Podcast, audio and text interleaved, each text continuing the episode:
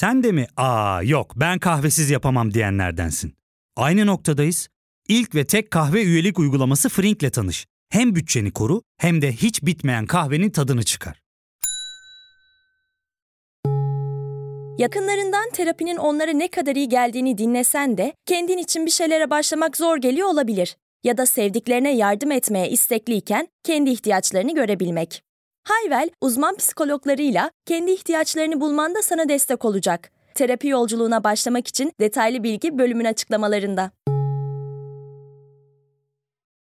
Son yıllarda coğrafya kaderdir ifadesini çok sık duyuyoruz.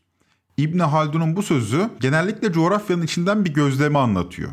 İçinde yaşadığımız topraklardan dışarıya bakıyoruz ve halimizi anlatmak için coğrafya kaderdir diyoruz. Bu ifadeye biraz da mutsuzluk duygusu yüklüyoruz sanırım. Bir serzeniş, bir sitem var bu ifadede, coğrafya kaderdir ifadesinde.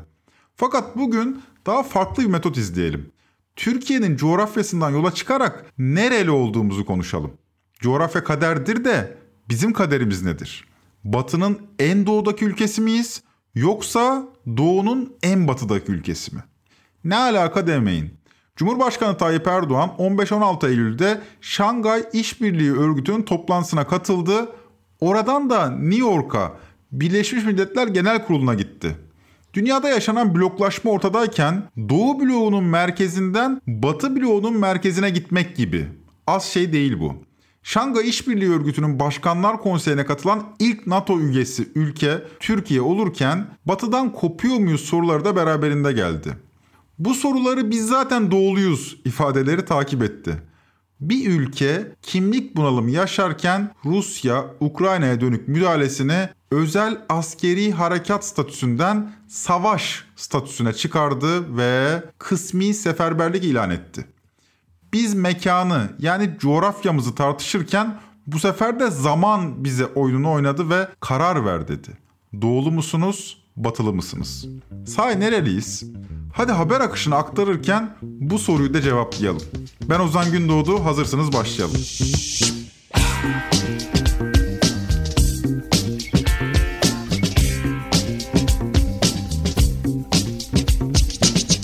Şimdi madem doğulu muyuz, batılı mıyız diye bir büyük soru sorduk. O halde müsaadenizle biraz modern tarihimizin derinliklerine ilerleyelim. 19. yüzyılımıza. Genelde atlanır ama bizim 19. yüzyıl düşünce dünyamız pek zengin. 3. Selim ya da tam olarak 2. Mahmut'la başlayan batılılaşma yolculuğumuz orijinal kişiliğiyle dikkat çeken 19. ve 20. yüzyıl düşünürlerimizden Sakallı Celal'in de ilgisini çekiyor ve tarihe şu notu düşüyor. Bu ülkenin aydınları doğuya giden gemide batıya koşan tayfalardır. Fakat Sakallı Celal ben dahil diye devam ediyor sözlerine. Yani kendisini de içine katıyor. Burada bazı sorulara not düşülebilir. Türkiye doğuluydu da zorlamayla mı batılılaşıyordu? Yoksa zaten batılıydı da aslına mı dönüyordu? Veya Sakallı Celal haklı da olabilir. Aslen doğuluyduk da batıllaşmak gereğini mi duymuştuk? Bu sorular bundan 100-150 yıl önce aydınlarımızın kafasını bir hayli meşgul etti. Görünen o ki aradan bir asırdan fazla zaman geçtikten sonra yeniden bu soruyla meşgulüz. Nereliyiz biz? Evet, uyruğu olduğumuz devlet Türkiye Cumhuriyeti. Hatta ondan önce Osmanlı Devleti son 200 yıldır yüzünü batıya dönmüş durumda. Peki ya bizler? Bu devletin uyrukları, yurttaşları, halk? Bu toprakların insanları batılı mı doğulu mu? Devletimiz yüzünü batıya döndü de yurttaşlar aynı durumda mı? Aslında bu soru bizim tarihimiz düşünüldüğünde pek yeni bir soru değil. Ama bu tartışma son zamanlarda yeniden alevlendi denebilir. Halbuki 150 yıllık bir geçmişi var bu sorunun dedik. 19. yüzyıl İstanbul'una gittiğinizde şöyle bir tabloyla karşılaşıyorsunuz. Balkanlardan, Rumeli'den yani batıdan doğuya İstanbul'a göç eden yüz binlerce aç bir ilaç Müslüman Türk görüyorsunuz. Kavimler göçünden bu yana batıya doğru yayılan Türkler tarihin bu kritik döneminde rotalarını tersine çevirmiş.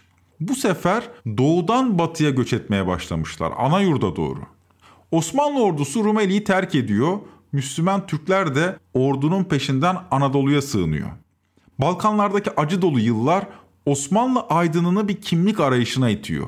Bu zamana kadar Osmanlı tebaası denen Bulgarlar, Yunanlar kendi devletlerini kuruyor ve Müslüman Türkler de İstanbul'a sığmaya başlıyor. O halde Osmanlıyız demenin anlamı kalmamaya başlıyor. Balkanlarda yaşayan Türkler böylece Fransız devriminin eşitlik, özgürlük, kardeşlik fikrinden daha sert etkilenmeye başlıyor. Devrimcilerin kalesi ise acı dolu Selanik. Selanik içinde Acılarla dolu Balkan göçü geriye Rumeli türkülerini bıraktı. Selanik, Selanik, viran olasın, taşını topracığını seller alsın. Yüzyıllardır batıya göç etmiş bir halk ilk kez doğuya göç etmeye zorlanmıştı. Peki bu tersine göç nereye kadar sürecekti? Anadolu'dan da gitmek var mıydı?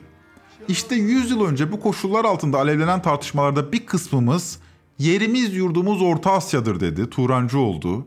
Kimimiz gözünü Hicaz'a, Mekke ve Medine'ye dikti, ümmetçi oldu. Osmanlı olmadığımız belliydi de Türk müydük, Müslüman mı? Hangisi ön plandaydı? Bu kimlik bunalımını aşabilmek büyük meseleydi ve ancak Cumhuriyet devrinde bu bunalımdan çıkabildik. Cumhuriyetçiler 2. Mahmut'tan beri süre gelen batılılaşma yolculuğuna devam etme kararını verdi. Batı medeniyetine uyumlu bir toplumsal yapı. Atatürk'ün ifadesiyle yeni vatan, yeni sosyete, yeni devlet. Bunları başarabilmek için arasız devrimler. Bu devrimlerin felsefesi olarak aydınlanma, monarşinin ve dinin tahakkümünden bağımsız bir sosyal düzen. Bunların tümü açık, apaçık ki Batı medeniyetinin icatlarıydı. İşte coğrafi konumumuz böylece netleşti. Batı'nın en doğudaki ülkesi, yeni Türkiye. Fakat bir batı var bir de batıdan içeri bir başka batı.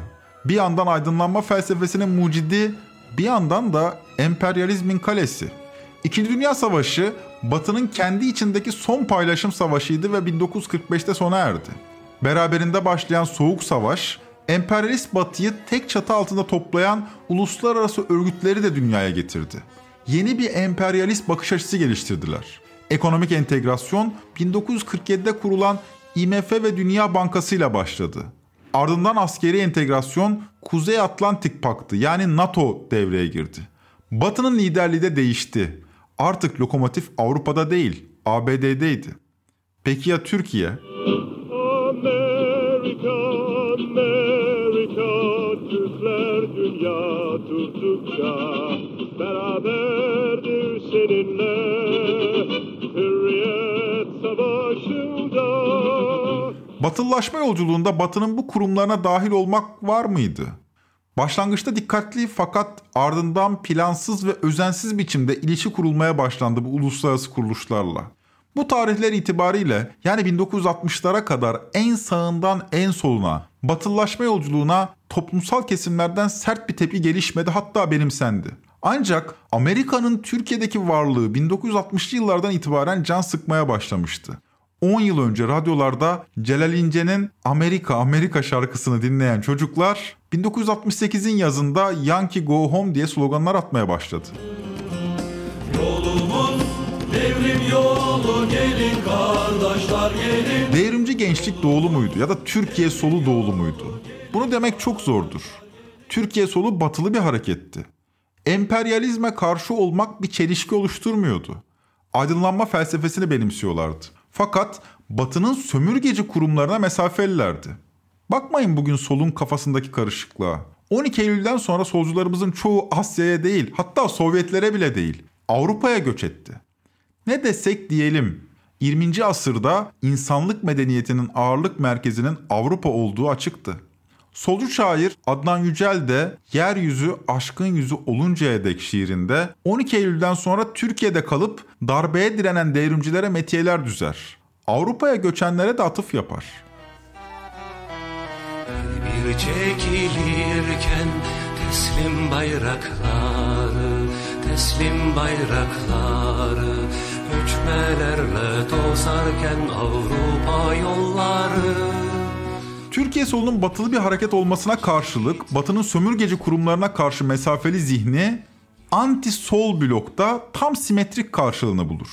Anti-sol blok yani İslamcılar ve o yıllarda İslamcılarla dirsek temasındaki ülkücü milliyetçiler Batı'nın aydınlanma felsefesine mesafeli olmakla birlikte Batı'nın uluslararası kurumlarını, devletlerini benimsiyorlardı. Mesela İslamcıların büyük şairi Necip Fazıl tam bir batı düşmanıydı. Doğulu olduğumuzu düşünüyordu. Hatta çıkardığı derginin adı da Büyük Doğu'ydu. Türkiye solun tam tersi yani. Ancak yine solun tam tersine yükselen devrimci işçi ve gençlik hareketlerinin karşısında Batı'nın kurumlarına da ihtiyaç olduğunu düşünüyordu. 17 Temmuz 1959 tarihli Büyük Doğu dergisinde şöyle yazıyordu Necip Fazıl. Amerikan politikasını korumakla mükellefiz. Amerikan siyasetini tutmak birinci yol. Amerika'dan nazlı bir sevgili muamelesi görmek biricik dikkatimiz olmalı. Bu haliyle İslamcılık orijinal bir hatta oturdu 1960'lar ve 70'lerde. Batı'yı kötülerken akla gelen Avrupa oldu. Onlar ahlaksız, Avrupalı gibi ahlaksız olmayalım vesaire. Ama Batı'yı överken, kötülerken değil överken akla gelen ABD olmaya başladı.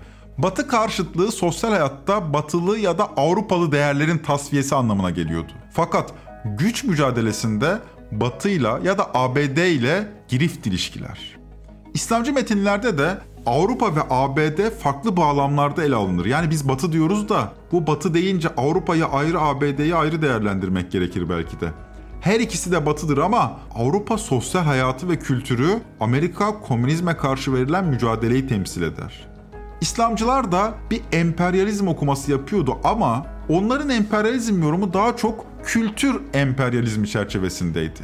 Dikkat kesildikleri konu Hristiyanlaşmamak, kültürü muhafaza etmekti. Necmettin Erbakan'ın 1979'daki bir konuşmasına gidelim. Birbiriyle çarpışıyor. Bu çarpışma bugünün çarpışması değildir. Bu asırlardan beri gelen temeldeki çarpışmadır. Yüzyıllardan beri bizim memleketimizde bu çarpışma oluyor. Niçin? Çünkü Batı kültür emperyalizmi yoluyla gelip bize tesir etmek istemiş. Bir takım evlatlarımızı eğitim yoluyla vesaireyle aldatmış. Kaldığımız yeri unutmayın. Burada kısa bir ara döndüğümüzde devam edeceğiz. Ya fark ettin mi? Biz en çok kahveye para harcıyoruz. Yok abi, bundan sonra günde bir. Aa, sen Frink kullanmıyor musun? Nasıl yani? Yani kahvenden kısmına gerek yok. Frink'e üye olursan aylık sadece 1200 TL'ye istediğin çeşit kahveyi istediğin kadar içebilirsin. Günlük 40 TL'ye sınırsız kahve mi yani? Çok iyiymiş. Aynen. Hatta şu anda 200 TL'lik bir indirim kodu da var. E hadi hemen indirip üye ol da bu fırsatı kaçırma. Terapiye başlamak, içinden çıkamadığın döngüleri kırmak, bazı yanlış bulduğun kararlarını değiştirmek ve kendinle beraber daha huzurlu bir yaşam inşa etmek için atabileceğin en değerli adımlardan biri. Hayvel ile yoğun yaşam tempona uyum sağlayarak online terapi seanslarını takvimine göre ayarlayabilirsin. Bini aşkın uzmandan sana en uygun terapisti seçebilir, PodB10 koduyla indirimden yararlanabilirsin. Detaylı bilgi açıklamalardaki bağlantıda. Şimdi yine 70'lere daldın. Niye bu kadar daldın diye sorabilirsiniz. Çünkü bugünkü siyasal kamplaşmanın izlerini 70'lerde aramak yanlış olmaz. Bugün Türkiye'nin siyasal yelpazesini oluşturan partilerin tüm genel başkanlarını bir düşünün. Gençlik yıllarını hangi yıllarda yaşadılar? Evet 70'lerde. O iklimde fikirleri oluştu. O iklimde militanlaştılar. O iklimde kavga ettiler. Siyasete atıldılar. Bugünse Türkiye'ye yön veriyorlar. 70'lerden bu yana Türkiye'nin siyasal akımları inişli çıkışlı grafikler takip etti. Merkez sağ bir büyüdü bir küçüldü. 90'larda parçalı bir yapıya büründü. Merkez sol ise 70'lerde yekpare biçimde durdu. Yükselen sol hareketi karşısına aldı ama 80'ler ve 90'larda yeni paradigmaya direnemedi. Ülkücüler ne büyüdü ne küçüldü. Pozisyonlarını korudular. Ama İslamcılar 70'li yıllardan bu yana sürekli büyüyen bir hareket olarak kayda geçti. 12 Eylül'de rüzgarlarına rüzgar kattı bunu da söyleyelim.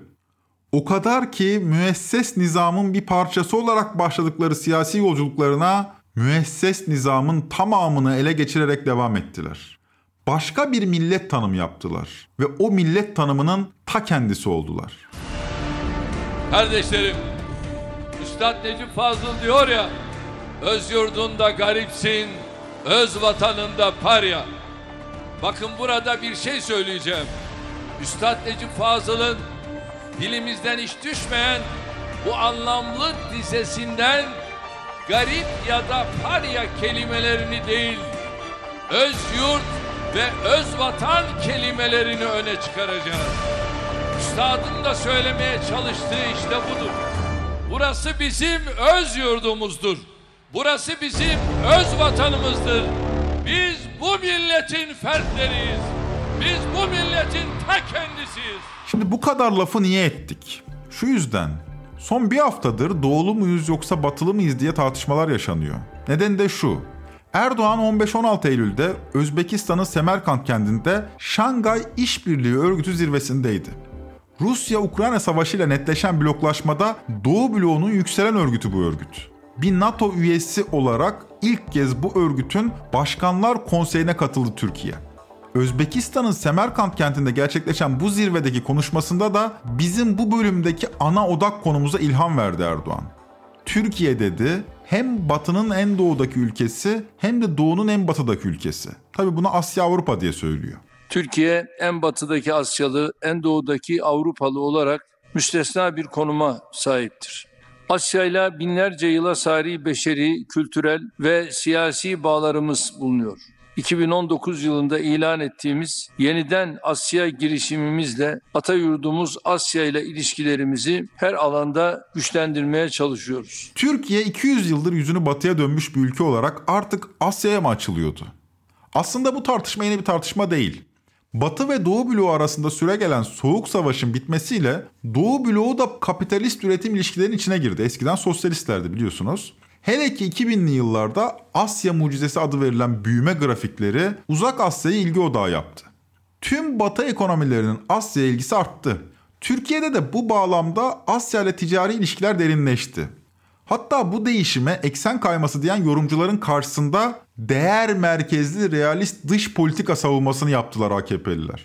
Yani eksen kayması falan yoktu. Buna göre kürenin değer yaratma eğilimi doğuya kayıyor. Çıkarlarımız gereği doğuyla ticari ilişkilerimizi derinleştirmek durumundaydık. Buna da TÜSİAD'ın 2000'li yılların sonundaki başkanı Ümit Boyner de katılıyordu.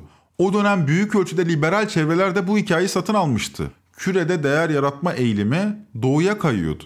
10 defa okudum bu kızcağızın. Ne dediğini anlayamadım. Ben iktisatçıyım, profesörüyüm. Kürede değer yaratma eğilimi doğa, doğuya kayıyor. Ekonomik birimler olarak dökülecek. Böyle. Fakat başta da belirttiğimiz gibi doğu deyince de batı deyince de tek bir şey anlamamalıyız. Meseleye yalnızca ekonomik açıdan da yaklaşamayız. Türkiye 2010'lu yıllardan itibaren bir trade state değil bir security state haline geldi. Ticaret devletinden güvenlik devletine dönüştü. Bu haliyle Doğu ile kurulan ilişkiler 2000'li yıllardakinden çok daha farklı yorumlanmaya muhtaç. Yani sadece ekonomik olarak bakamayız. Artık ekonomik aktivite doğuda daha güçlü diyerek işin içinden çıkamayız. Başta da söyledik. İslamcılar sosyal kültürel anlamda batılı değildi. Fakat soğuk savaş koşullarında anti-sol blok içerisinde olduklarından Batı'nın emperyalist küresel kurumlarını müdafaa ediyorlardı. Fakat yine daha önce dediğimiz gibi soğuk savaş bitmiş, dahası İslamcılar da müesses nizamın tamamını kontrol edebilecek güce ulaşmıştı. Üstelik nizamı tehdit eden bir sol harekette bulunmuyor artık. Bu haliyle nesnel olarak İslamcıların Batı ile kurdukları ilişkinin dayanakları eskisi kadar güçlü değil. Fakat yine de Batı ile İslamcılar arasında bir ilişki tümüyle kopmuştur da diyemeyiz ama inceldiği ortada. Mesela 15-16 Eylül'de Semerkant'ta olan Erdoğan oradan ABD'ye New York'a uçuyor. Birleşmiş Milletler Genel Kurulu görüşmelerine gidiyor. Fakat belli ki biraz erken gidiyor. Hemen hemen tüm liderler Kraliçe Elizabeth'in cenazesi için Londra'da olduğu için Erdoğan'a da Central Park'ta yürüyüş yapmak düşüyor. Cumhurbaşkanı Erdoğan Central Park'ta bir yürüyüş yaptı. Ayağının tozuyla New York'a iner inmez ve işte oradan ilginç bir kare. Central Park'ta sigara uyarısı Cumhurbaşkanı Erdoğan yürüyüş yaptığı sırada birçok kişiyle sohbet ederek fotoğraf çektirdi. Sigara içerken gördüğü bir Amerikalıdan da sigarayı bırakmasını istedi. Erdoğan bir yabancı devletin en önemli kentinde parkta yürüyüş yapıyor. Bu esnada dünya liderleri Kraliçe Elizabeth'in cenaze törenini takip etmek için Londra'da bulunuyorlar. Semerkant'ta işte dünya lideri olarak pazarlanabilen fotoğraflar Central Park'ta suya düşüyor. Yalnız bir lider. Öylece parkta oyalanıyor. Derken belli ki Erdoğan'ın iletişim ajansı duruma müdahale olmak için bir plan yapıyor. Birdenbire Central Park'ta Erdoğan'ı durdurup tahıl koridoru için kendisine teşekkür eden Amerikalılar belirlemeye başlıyor. Neyse bu boş meseleleri geçelim. Sosyal medyada önümüzde bunlar konuyor ama işte. Fakat arka planı sorgulayamıyoruz. Arka plana biz odaklanalım. Semerkant'tan New York'a, doğudan batıya. Batıda aradığını bulabilmiş miydi Erdoğan ya da doğuda ne arıyordu? Şangay İşbirliği Örgütü'ne bakmak lazım o zaman. Şangay İşbirliği Örgütü ne tam bir ekonomi ne tam bir askeri birlik. Bu örgütün üyelerinin büyük çoğu otoriter iktidarlarca yönetiliyor. Bu yüzden aralarındaki ilişkiler de öngörülmezliklere, sürprizlere açık. Yani liderin çok baskın olduğu, kurumların değil liderin çok baskın olduğu ülkeler. Erdoğan'ın da doğuda ne aradığı ve aradığı şeyin Şangay'da olup olmadığı Ömer Taşpınar'ın ilgisini çekmiş. Medyaskop'a şöyle bir demeç vermiş. Son derece önemli ve sembolik önemi çok ciddi bunun çünkü orada Çin'le görüşüyor, Rusya'yla görüşüyor, Hindistan'la aynı masada ama Batı'ya geliyor, New York'a geliyor, Biden'la görüşemiyor. Ne oluyor? Dolayısıyla Türkiye doğuda yükselen bir güç ama batıda düşen bir ülke yani batıdaki önemi profili azalan bir ülke gibi algılanıyor. Dolayısıyla Türkiye bir şekilde bunu kompanse etmek zorunda. Yani asıl zaten yükselen güçler doğuda. Amerika'nın zaten gücü ortada. Amerika düşüyor. Avrupa Birliği zaten o kadar önemli değil ama bizim yükselen doğuyla beraber olmamız çok önemli. Bunun sembolizmini taşıyor Şangay. Ama içi boş bir sembolizm çünkü Şangay'ın bir ordusu yok. Rusya'ya baktığımızda Rusya ve Çin tamam bir stratejik ortaklıktan bahsediyorlar ama şu anda Rusya Ukrayna'da son derece zorlanıyor durumda. Çin ordusu gelip Rusya'ya yardım ediyor mu? Çin'in Rusya'ya çok ciddi bir askeri, teknolojik yardım ettiğini görebiliyor muyuz? Hayır. Hindistan gelip Çin'le veya Rusya ile bir stratejik anlaşma imzalayabiliyor mu? Çin'le Hindistan arasında sınırda daha iki yıl önce çok ciddi çatışmalar oldu Himalaya'da. 20 tane Hintli asker öldürüldü. Kim tarafından? Çinliler tarafından. Çin'le Hindistan arasında ciddi bir sınır sorunu var. Rusya Hindistan tarafından Şangay'da uyarıldı. Modi, Hindistan'ın başbakanı, Putin'e dedi ki Ukrayna'da yaptığınız şey yanlış. Bunu bir an evvel bitirin dedi Modi. Yani bu Şangay dediğimiz örgütün içinde henüz Hindistan, Çin ve Rusya daha beraber hareket edemiyorlar bile tam olarak. Bir ordu yok. Onu bırak ekonomik işbirliği de yok tam olarak. Yani bir serbest ticaret anlaşması da yok. Dolayısıyla Türkiye bunun içinde olmuş, gözlemci olarak olmuş veya ne bileyim başka bir konumda olmuş çok önemli değil. Bunun içinde tam olarak üye olsa bile İran'ın olduğu gibi bu Türkiye açısından büyük bir kazanım olmaz. Yani bakın doğudaki yerimiz ne kadar önemli denecek bir şey değil. Çünkü Şangay'ın öyle bir anlamı ağırlığı yok. Demek ki Türkiye doğuda ne bir askeri ne de ekonomik bir işbirliği arıyor. Zaten arasa da bunu bulabilmesi mümkün görünmüyor. O halde nedeni başka bir yerde aramak gerekir. Aslında mesele Biden'ın seçilmesiyle beraber keskinlik kazanıyor. Bakın şunları atlamamak gerekir. Biden 3 Kasım 2020'de ABD başkanı oldu ama Erdoğan'la ilk kez 23 Nisan 2021'de görüştü. Yani 6 ay sonra. O da telefonla. Konuşmanın bağlamı ise Biden'ın Erdoğan'a Ermeni soykırımını tanıyacağını söylemesiydi. Amerika'nın değil ama Erdoğan ile Biden'ın arası hep açık oldu. Burada mesafeyi kısaltmaya çalışan taraf Erdoğanken mesafeyi koyan taraf Biden'dı. Yeniden Amerika'ya, Central Park'a orada bir başına bıraktığımız Erdoğan'a dönelim. Bir New York seyahatinden daha eli boş dönüyordu Erdoğan. Biden'la yine görüşememişti. Bakın Şangay zirvesine katılan ilk NATO ülkesinin cumhurbaşkanısınız. Yani bir önem arz ediyorsunuz. Buradan kalkıp ABD'ye gidiyorsunuz ve ABD'nin başkanıyla ayaküstü bile doğru düzgün görüşemiyorsunuz. Bunun tersine hayal edin. Biden'ın Türkiye'ye geldiğini, İstanbul'da Maçka Parkı'nda falan dolaşıp gerisin geri geri döndüğünü düşünün. Bu soru Erdoğan'a da soruldu. Tepkisini iktidar medyası köpürttü, esprili yanıt falan dediler. Ben espriyi anlayamadım, bir dinleyelim. Biden ile görüşecek misiniz? Resepsiyonuna katılacağım. Görüşmüş Başka. olmayı diler miydiniz Biden'la? Niye? Ayrı ikili bir görüşme yapmış O olmayı. Biden, ben de Erdoğan. Peki en son senatörlerle görüştüğünüz F-16 konusunda nasıl bir izlenim edindiniz? Olumlu konuşuyor. Evet, onaylayacaklar, geçeceğini Öyle düşünüyorsunuz. Teşekkürler, sağ olun. O Biden, ben de Erdoğan. Şimdi Erdoğan bu açıklamadan sonra New York'taki Türk Evi binasına gidiyor ve orada gazetecilerin sorularını yanıtlıyor. Biden ile görüşecek misiniz sorusu orada tekrar soruluyor. Erdoğan bu sefer biraz daha detaylı bir cevap veriyor. Diyor ki biz şu anda F-16 satın almakla ilgileniyoruz. Sayın Biden'la bu konuda olumlu görüşmeler yapmıştık. Burada Cumhuriyetçi senatörlerle de bazı görüşmeler yaptım. Bakanımız Hulusi Akar da muhatabıyla görüşmelerini yürütüyor. Sayın Biden'la resepsiyonda geniş bir görüşme fırsatı bulamadık. Daha sonra telefon diplomasisiyle belki bu konuları görüşme imkanımız olur. Ama Milli Savunma Bakanımız, Dışişleri Bakanımızın yapacakları görüşmelerle süreci takip edeceğiz. Görüşmeler şu anda olumlu istikamette ilerliyor diyor. Türkiye'den kalkıp ABD'ye gidiyorsunuz ama ABD Başkanı size 20-30 dakika ayıramıyor. Üstelik İsviçre ve Finlandiya'nın NATO üyeliğine verdiğiniz destek karşılığında F-16 aldığınız söyleniyordu. O da patlıyor.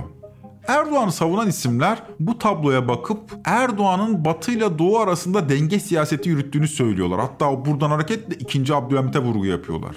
Acaba bu doğru mu? Yoksa Erdoğan artık Batı bloğu tarafından da doğulu olarak görüldüğü için mi böyle konumlanıyor?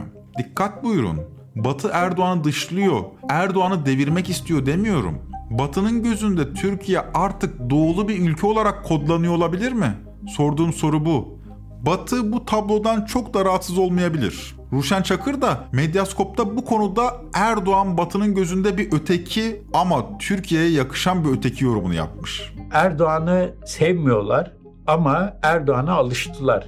Onunla nasıl iş yapılabileceğini üç aşağı beş yukarı kestirebiliyorlar. Bu zor oluyor bazen.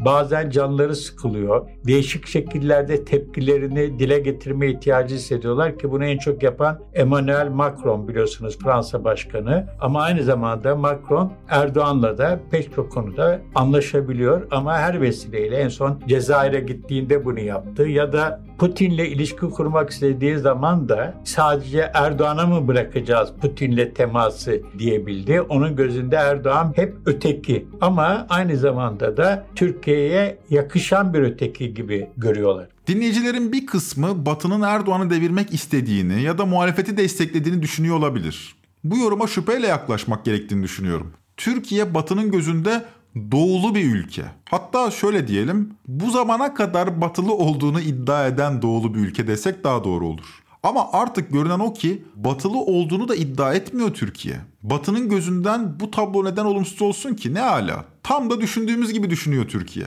Batılı olduğu iddiası artık yok. Zaten doğuluydu ve doğulu olduklarını da kabul ediyorlar. Öte yandan Batı ile çıkar ilişkilerine de devam ediyor.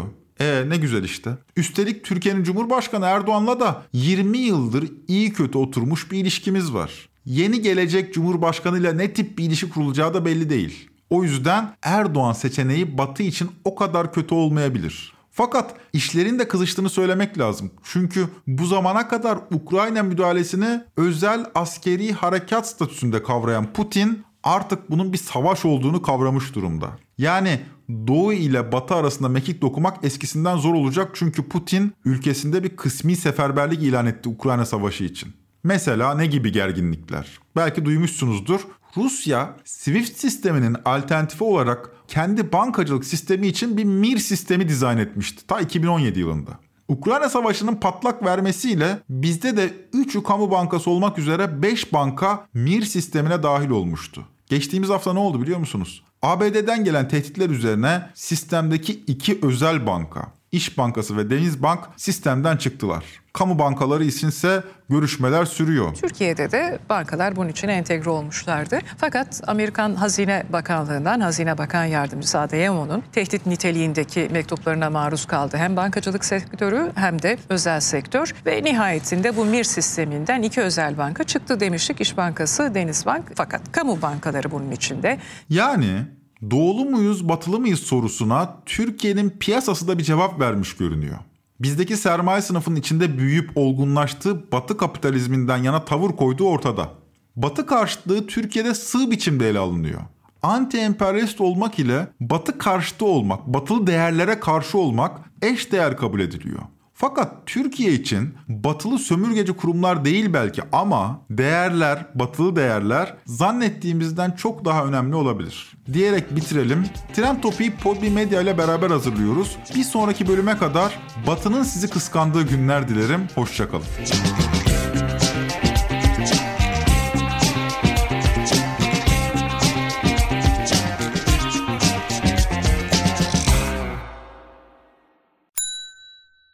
Ve tek kahve üyelik uygulaması Frink, 46 ildeki 500'den fazla noktada seni bekliyor. Açıklamadaki kodu girerek sana özel 200 TL'lik indirimden faydalanmayı unutma. Hadi sen de Frink üyeliğini başlat, kahven hiç bitmesin.